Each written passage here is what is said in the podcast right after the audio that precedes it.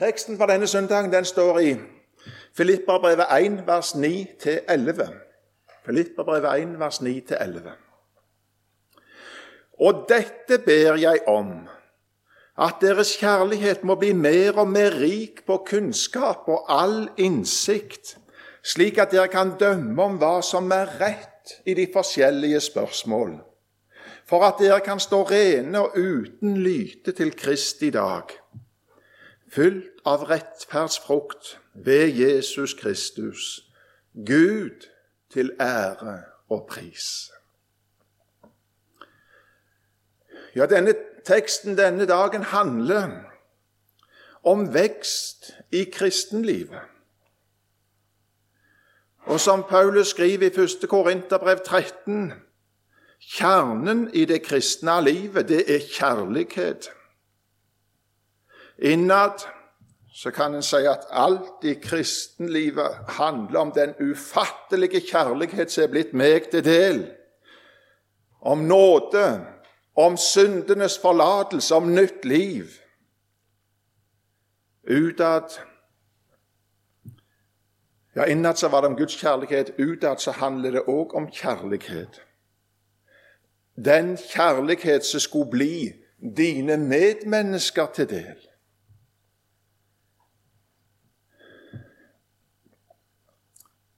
Den kjærlighet og nåde som vi har fått hos Gud, er ikke en død kapital. Det var noe som skulle strømme videre. Det er mer enn nok av mennesker omkring deg som trenger kjærlighet, omsorg, forståelse. Gud er kjærlighet. Og vårt forhold til, til våre medmennesker det skulle i groen òg samles i ordet kjærlighet. Og Når Jesus blir spurt om hva som er det største bud i loven, eller rettere, det kom jo en til han for å friste han, fange han i ord eh, Vi leser Matteus 22 fra vers 37, så svarer Jesus på dette hva som er det største bud i loven. Du skal elske Herren din Gud av hele ditt hjerte og av hele din sjel og av all din forstand. Dette er det største og første bud. Men et annet er like stort. Du skal elske din neste som deg selv. På disse to bud hviler hele loven og profetene. Nå er det ikke en ukjent sak at vi ofte hører det framstilt, dette med både Guds kjærlighet og den kjærlighet som vi skal vise, slik at det blir aldeles fordreid. Slik at det som Bibelen sier holdt på å si, De står med Bibelen i hånden, og likevel så har de forlatt det Bibelen sier. Så ender de opp med bl.a. å si nei, det kan jo ikke være en fortapelse, for Gud er kjærlighet. Og når mennesker vil leve fullstendig på tvers av hva Bibelen sier om hvordan en skal leve, og de likevel forlanger at Kirka skal velsigne det Om vi ikke kan godta det, så får vi høre vi mangler kjærlighet. Ja, sånn blir det når det blir fordreid. Vi har mange varianter av det der. At det er en kristen han skal vise kjærlighet, og så sies det ingenting om fundamentet og hva denne kjærlighet består i. Er det kjærlighet å ikke si til et menneske som er sjukt, at du er sjuk, men det er legedom å få? Er det kjærlighet å la det mennesket gå bare like rett i døden? Ja, sier mange i denne verden. Men nei, sier Guds ord. Og dette ber jeg om, at deres kjærlighet må bli mer og mer rik på kunnskap og all innsikt, slik at dere kan dømme om hva som er rett i de forskjellige spørsmål. Ja, her har vi fundamentet. Kunnskap og innsikt ut ifra Bibelens ord. Og så ber Paulus for deg Ja, for Han skriver jo det 'Dette ber jeg om' når han går inn for Guds trone. Ber om at disse i Filippi må få en rikere og rikere kunnskap og innsikt. For ellers vil de ikke være i stand til å dømme alt det som kommer ramlende på, i de mange ting som de møter i samfunnet omkring seg, og problemstillinger som kommer opp òg i den kristne forsamling. Hvordan skal forholde seg i hverdagen i spørsmål om møte med homofili, samboerskap, kvinnelige prester, abort, dans, alkohol og vi kunne nevne tobakken i samme slengen. Efeserbrevet 4,15. Sannheten tro i kjærlighet skal vi i alle måter vokse opp til Ham som er hodet, Kristus. Ja, merk deg òg den sida. Sannheten tro i kjærlighet. Sannheten er ikke noe du har fått for å bruke til å slå andre i hodet med. Og ikke dine meninger om det ene og det andre. Det er et spørsmål, Noen av de jeg nevnte, er jo det vi kaller for adiafora-spørsmål. Min mening der har ikke jeg fått for å slå andre i hodet med. Men sannheten tro i kjærlighet, og mangler kjærligheten, så ti stilt. Så ti stilt. Sannheten, tro i kjærlighet, da taler også Paulus om voksteren. For han skriver 'voksa opp til Han som er hodet', til Kristus. Han som er Guds kjærlighet åpenbart. Å vokse i kjærlighet har med ditt forhold til Gud å gjøre, og det har med forholdet til dine medmennesker å gjøre. Du skal vokse i din kjærlighet til Gud. Hvordan skjer det? Kjærligheten til Gud og kjærligheten til Hans ord er to sider av samme sak, og da har vi grunnsvart på hvordan skjer voksteren. Det skjer ved at du leser og hører Guds ord og tar det til hjertet. Jeg nevnte overfor våre medmennesker vi skal være sannheten tro i kjærlighet. Bibelen som det solide fundamentet. Det samme gjelder når vi snakker om kjærligheten til Gud. Det er ikke noe svevende. Vi har klare ord om hvordan det skulle være. Men så leste du så alvorlig om hvordan det er med vår kjærlighet. Som duggen som forsvinner når sola kommer fram. Han var der litt innimellom, men så forsvant han. Å, det svinger så hos oss. Og jeg noter, har notert meg Lina Sandell sine ord. Og jeg regner meg ikke alene om å måtte si når det er spørsmål om min kjærlighet både til Gud og menneske. Men nå snakket vi mest om dette med forholdet til Gud akkurat nå. Så sier Lina Sandell, og jeg må si med henne, visst har jeg lite elska og lite otta steg, og ennå er min kjærleik høgst elendig. Ja, det må jeg si når jeg ser sant på meg sjøl. Men så er det så herlig, for hun fortsetter med den, det slike som får nåde likevel. Men du har ikke grunna mitt barnekår på den, altså min kjærlighet til Gud. Da hadde jeg gått under. Men sjå, jeg lever enn, jeg enast av din frie nåde lever. Og så merker jeg meg i det, den strofa Visst har jeg lite elska og lite otta steg. At du er inne på dette med gudsfrykten òg. Vi bruker ikke ordet akkurat i vår dialekt med åtte for Gud, men vi skjønner det. Gudsfrykt. Gud er hellig. Guds ord er hellig. Ja, hvordan forholder du og jeg oss til det som er hellig? Det er så vondt noe jeg syns jeg hører altfor ofte. At når det er en situasjon, så er det noen som finner ut ah, her passer det å slenge inn et Guds ord som en spøk, som en fleip. Jeg har hørt det så mange en gang. Du, en spøker ikke med det hellige. En spøker ikke med det hellige. Jeg har iblant, når jeg har pirka bitte litt i det der, fått beskjed at jo, Gud tåler det nok. Ja, Jeg skal ikke ta opp den sida, men du tåler det ikke. Om du ikke holder Guds ord hellig. Om du bruker det til å fleipe med. Det er farlig for ditt åndelige liv.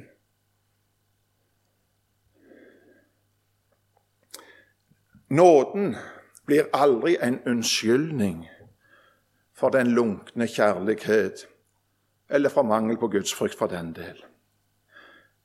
Men begge de to tingene skulle drive meg inn til Jesus. Drive meg inn til Han som er full av nåde.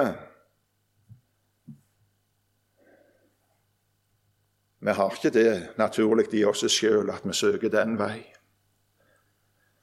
Og derfor å vokse i nåde, det er nøye knytta til Den hellige ånds gjerning i en kristens liv. Og Derfor har det vi nå snakker om denne formiddagen i Gron, først og fremst med helliggjørelsen å gjøre. Det er Den hellige ånd som vil holde kjærligheten varm i oss. Og han bruker skal vi si, til olje for å få det til å brenne sitt, eller Guds hellige ord. Og så er det hans mål at vi skulle bli rikere og rikere på kunnskap og all innsikt, slik at vi kunne dømme hva som er rett i de forskjellige spørsmål. Det er så lett å bli ført vill. De mange spørsmål svares på så vidt forskjellig måte. Hvem lytter vi til i så måte? Ja, det er jo noen som i praksis mener at alle som kaller seg kristne, de skal vi lytte til. Og Da er det iallfall helt sikker at gjør du det, så vil du først bli forvirra. Og så vil du garantert bli ført vill. Først vil du miste trua på at Bibelen er Guds ord.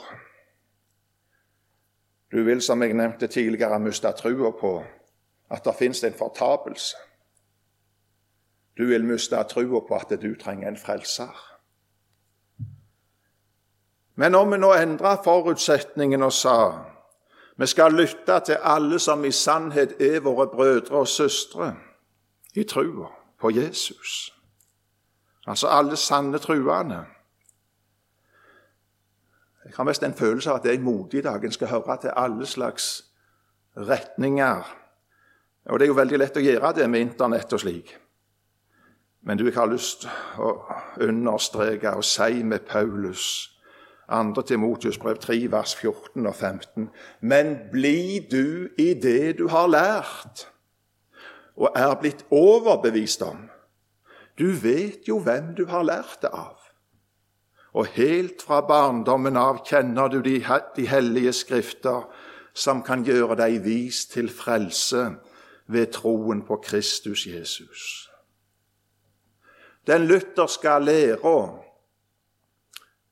Kanskje jeg må si ikke den lutherske kirka eller den lutherske kirka sin praksis, men den lutherske læra.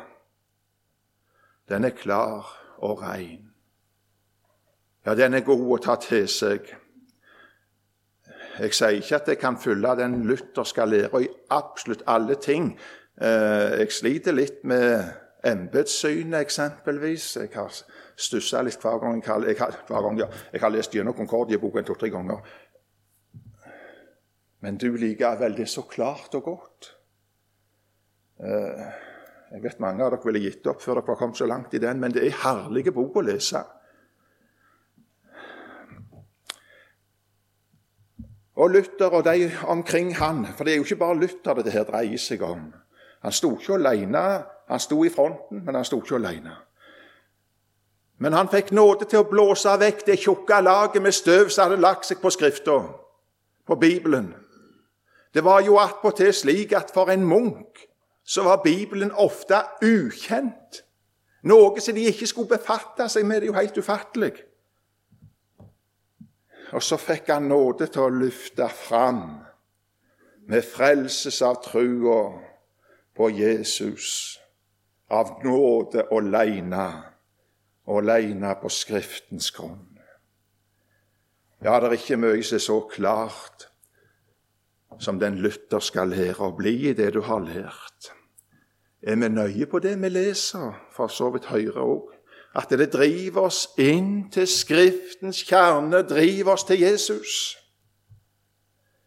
Skal vi kunne få kunnskap og innsikt til å dømme om hva som er rett i de forskjellige spørsmål som søker til Skrifta, og til lærere som vi har tillit til. Jeg husker på gymnaset det var stadig det var noen som kom springende med alle slags spørsmål. Hva mener du om det, og hva mener du om det? Og Som regel så, så, så slapp du ikke unna før du hadde svart. Og så var det mer enn én en gang jeg svarte, og så sa jeg ja, er du helt sikker på det? Har du lest alt det Bibelen sier om dette? Så si, Nei, jeg har ikke lest alt det Bibelen sier om dette så grundig at jeg kan si at det er ut ifra det jeg svarer. Visst har jeg lest hele Bibelen, men jeg er ikke klar nok i tanken til at jeg kan si at det er grunnlag. Men lærere som jeg har tillit til, sier slik. Og det syns jeg er godt for min egen del fortsatt i dag. Det er ikke sånn at du om alle spørsmål kan arbeide grundig og komme til bunns i det. Men det er lærere som Gud har gitt oss, som vi kan ha tillit til. Jeg har iblant møtt slike som sier det at de godt kan lese og for så vidt høre òg usunne lære uten å ta skade av det. Og da har jeg særlig vært, Hvis vi har kommet inn på dette med enkelte bøker fra trosbevegelsen, som det kalles Og så sier de Og det er som mest sånn standardsvar fra, fra slike at uh, de, de, legger til side det som ikke er godt, og så eter de det som er godt. For det er så god en mat. Ja, ja. Jeg har brukt forskjellige bilder, men uh, du kan si det blir som å ete brød med rottegift. Og så sitter du og eter og napper ut Ja, det var visst ikke Hadde det vært rottegift i brødet, så hadde verken du eller jeg åpna munnen og stappet i oss. Men med det åndelige så er det mange som sier nei, jeg legger til side det som ikke er sunt, det som er gift for min sjel. Det vil være en tragedie om din åndelige mat skulle føre til åndelig død og evig død. Hvordan forholder vi oss til vranglære? Og Det er i grunnen underlig å lese eh, om kjærlighetens apostel Johannes. Han hadde jo en svær strid med en kar som heter Kerint. En vranglærer. Jeg skal ikke gå inn på hva han lærte, men det var jo Han mente jo òg at han hadde utgangspunkt i Bibelen for mye av dette her, han la fram, men det var jo bare, det var så på jordet. Og Johannes fordømte denne vranglæra, og hele første Johannesbrev er grunnen et gjensvar på det som denne Kerint lærte. Og så fortelles det eh, og det skal visstnok være fortalt i første runde av Polikarp, som var en samtidig, så vidt med Johannes, at eh, Johannes var på vei til inn i badet i Efesus. Du hadde jo ikke innlagt vann på den måten, så også at du kunne ta deg en dusj. De hadde offentlige bad, og så var Johannes på vei inn. Og så får han høre noen som sier 'Kering, ringte der inne'.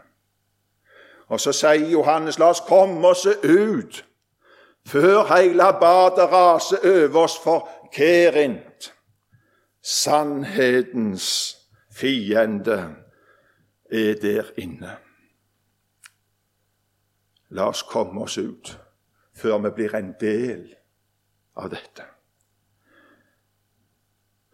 At noen ser annerledes enn du sjøl på enkelte ting, er ikke det samme som gift. Jeg sier ikke det at du skal bare lese Bibelen og Luther og Rosenius og punktum, men vær klar over hva du leser. Og tenk over hva du leser. Jesus han sier i Matteus 24 noen alvorlige ord om hvordan det skal gå med kjærligheten i de siste tider. Og det er i vår tid, det. Matteus 24, vers 12 og 13.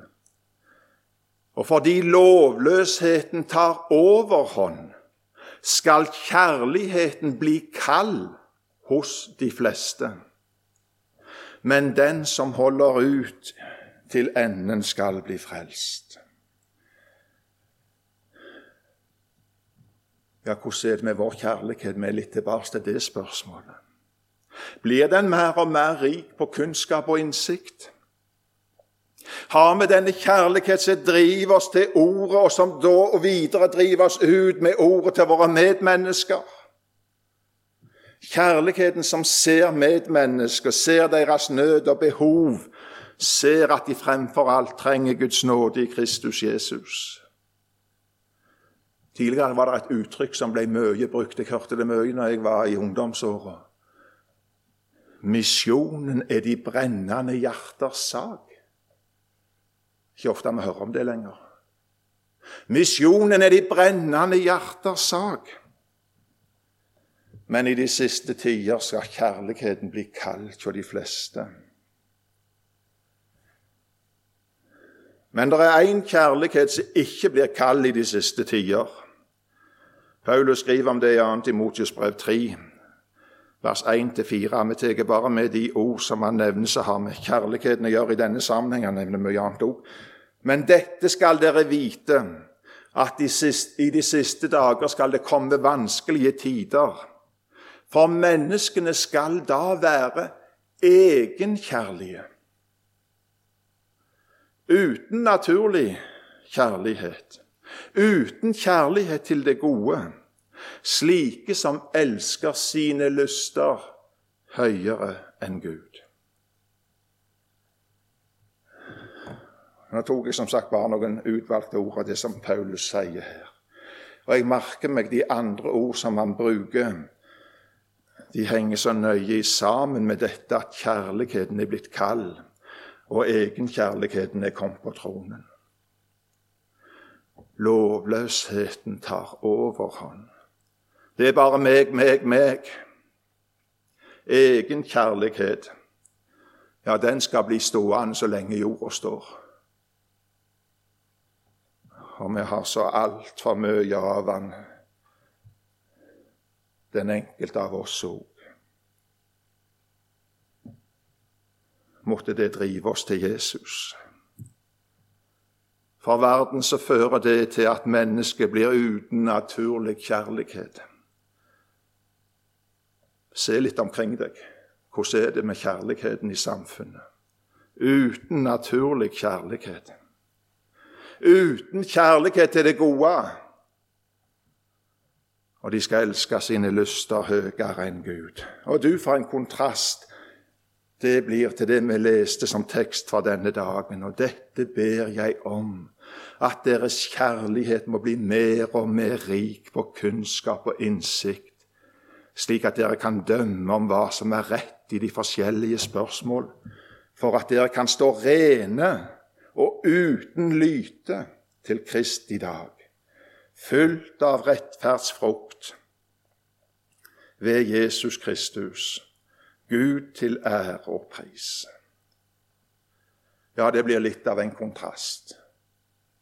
Og du ser han igjen og igjen i Paulus sine brever, og kanskje enda sterkere med nevnte første Johannes brev. Der har du mørke, lys, liv, død, den levende kjærlighet og den døde kjærlighet. Du har liksom de sterke motsetningene gjennom hele brevet, og slik er det i denne verden. Og så leste vi 'fullt av rettferdsfrukt ved Jesus Kristus'.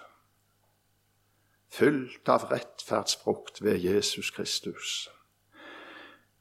Ja, kjærligheten er slik når den holdes varm, at den bærer rikelig frukt. Og kjærlighetens frukt er rettferdsfrukt. Altså frukt som holder mål når det skal prøves på Guds ord. Prøves innenfor Gud, den hellige. Kjærligheten må holdes varm.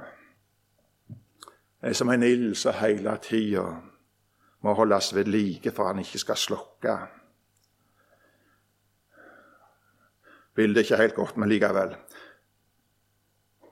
Tenk deg at i november så hiver jeg i ogen hjemme. Jeg fyrer mye med veden. Så hiver jeg godt inni i november, og når jeg kommer i februar, så sitter jeg og skjønner ikke hvorfor det blitt så kaldt rundt meg. Jeg fyrte det godt opp. Jeg håper du skjønner hvor jeg vil hen. Det er mange som ikke skjønner hvorfor de er på en måte glidd bort. Lunkne bort. De har ikke behov for å samles med Guds folk. Du ja, Bildet blir veldig dårlig, for når det gjelder å hive i ogen, så er det ikke sånn at jeg hiver i ogen og holder kontinuerlig varme til ut februar, så ser det ikke i huset. Men åndelig talt så må ilden aldri slokne. Aldri slokne. Og vi nevnte Den hellige ånd er gitt oss for å holde oss varme i kjærligheten. og Derfor formaner òg Paulus 1. Salonika 5, vers 19.: Utslukk ikke ånden. Utslukk ikke ånden. Men når Ånden får gjøre sin gjerning, så vokser rettferdsfrukt fram. Vi kunne gått til Johannes 15 om samme sak, skal ikke gjøre det. Men det er et løfte, det. Det er ikke ei pisk som henger over oss. Det er et løfte. Fra den som lever i samfunnet med Jesus, så vil det vokse fram rettferdsfrukter. Vi ser ikke så mye av det sjøl. Og jeg må si det går av og til kaldt ned gjennom ryggen på meg når jeg leser Galaterbrevet 5.22. Men åndens frukt er kjærlighet, glede, fred, langmodighet, mildhet, godhet, trofasthet, saktmodighet, avholdenhet. Ikke godt for en hissigpropp å lese det. Langmodighet, trofasthet Jeg som blir så fort lei. Slutte av. Åndens frukt er kjærlighet. Vi er igjen tilbake til det du begynte med. Den forsvant jo som dogg for sola. Jeg kjenner en smerte når jeg leser det ordet. Det er så lite av det i mitt liv. Og kanskje kjenner du på noe av det samme. Og enda en gang så sier jeg akkurat det samme som jeg har sagt to-tre ganger allerede. Skynd deg til Jesus. Skynd deg til Jesus med dette. Inn i Hans ord. Inn i samfunnet med Han i bønnen.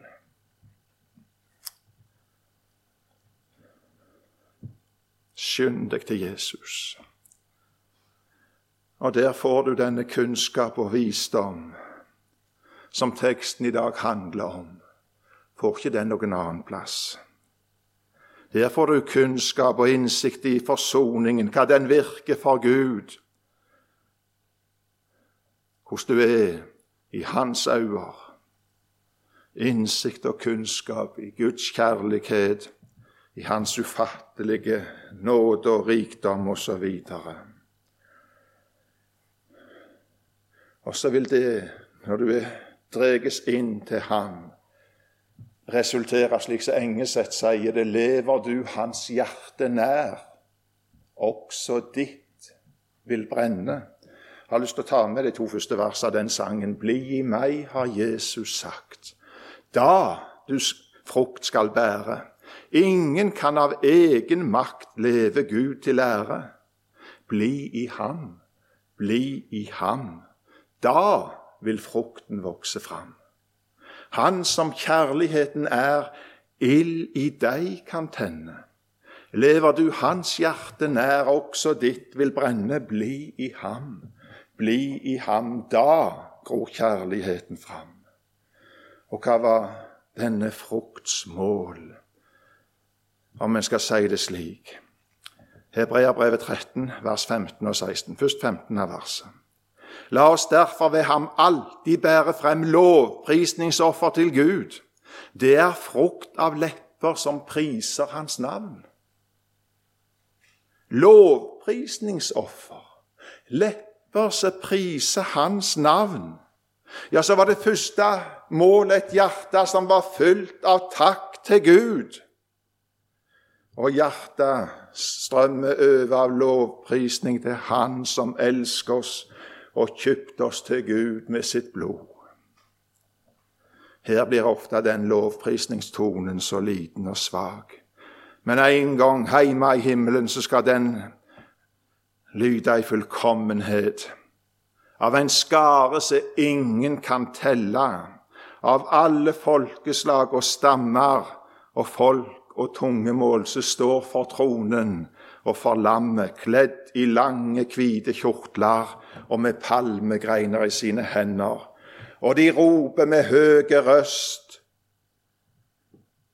Frelsen tilhører vår Gud, Han som sitter på tronen og lammet.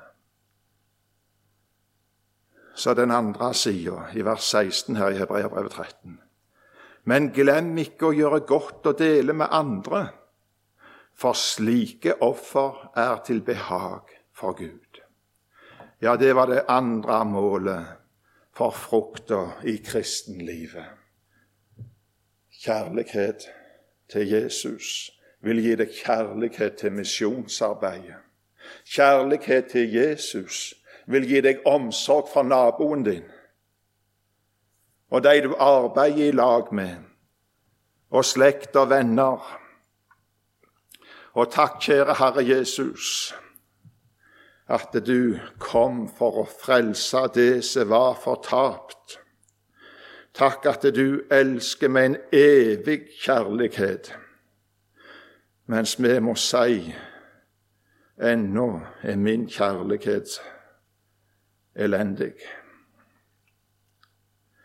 Takk at jeg likevel skal få være din. Og takk at jeg dag for dag får møte deg i ordet, og du ved din ånd steller i nåde med meg minutt for minutt, og vil gjøre det like til jeg er hjemme.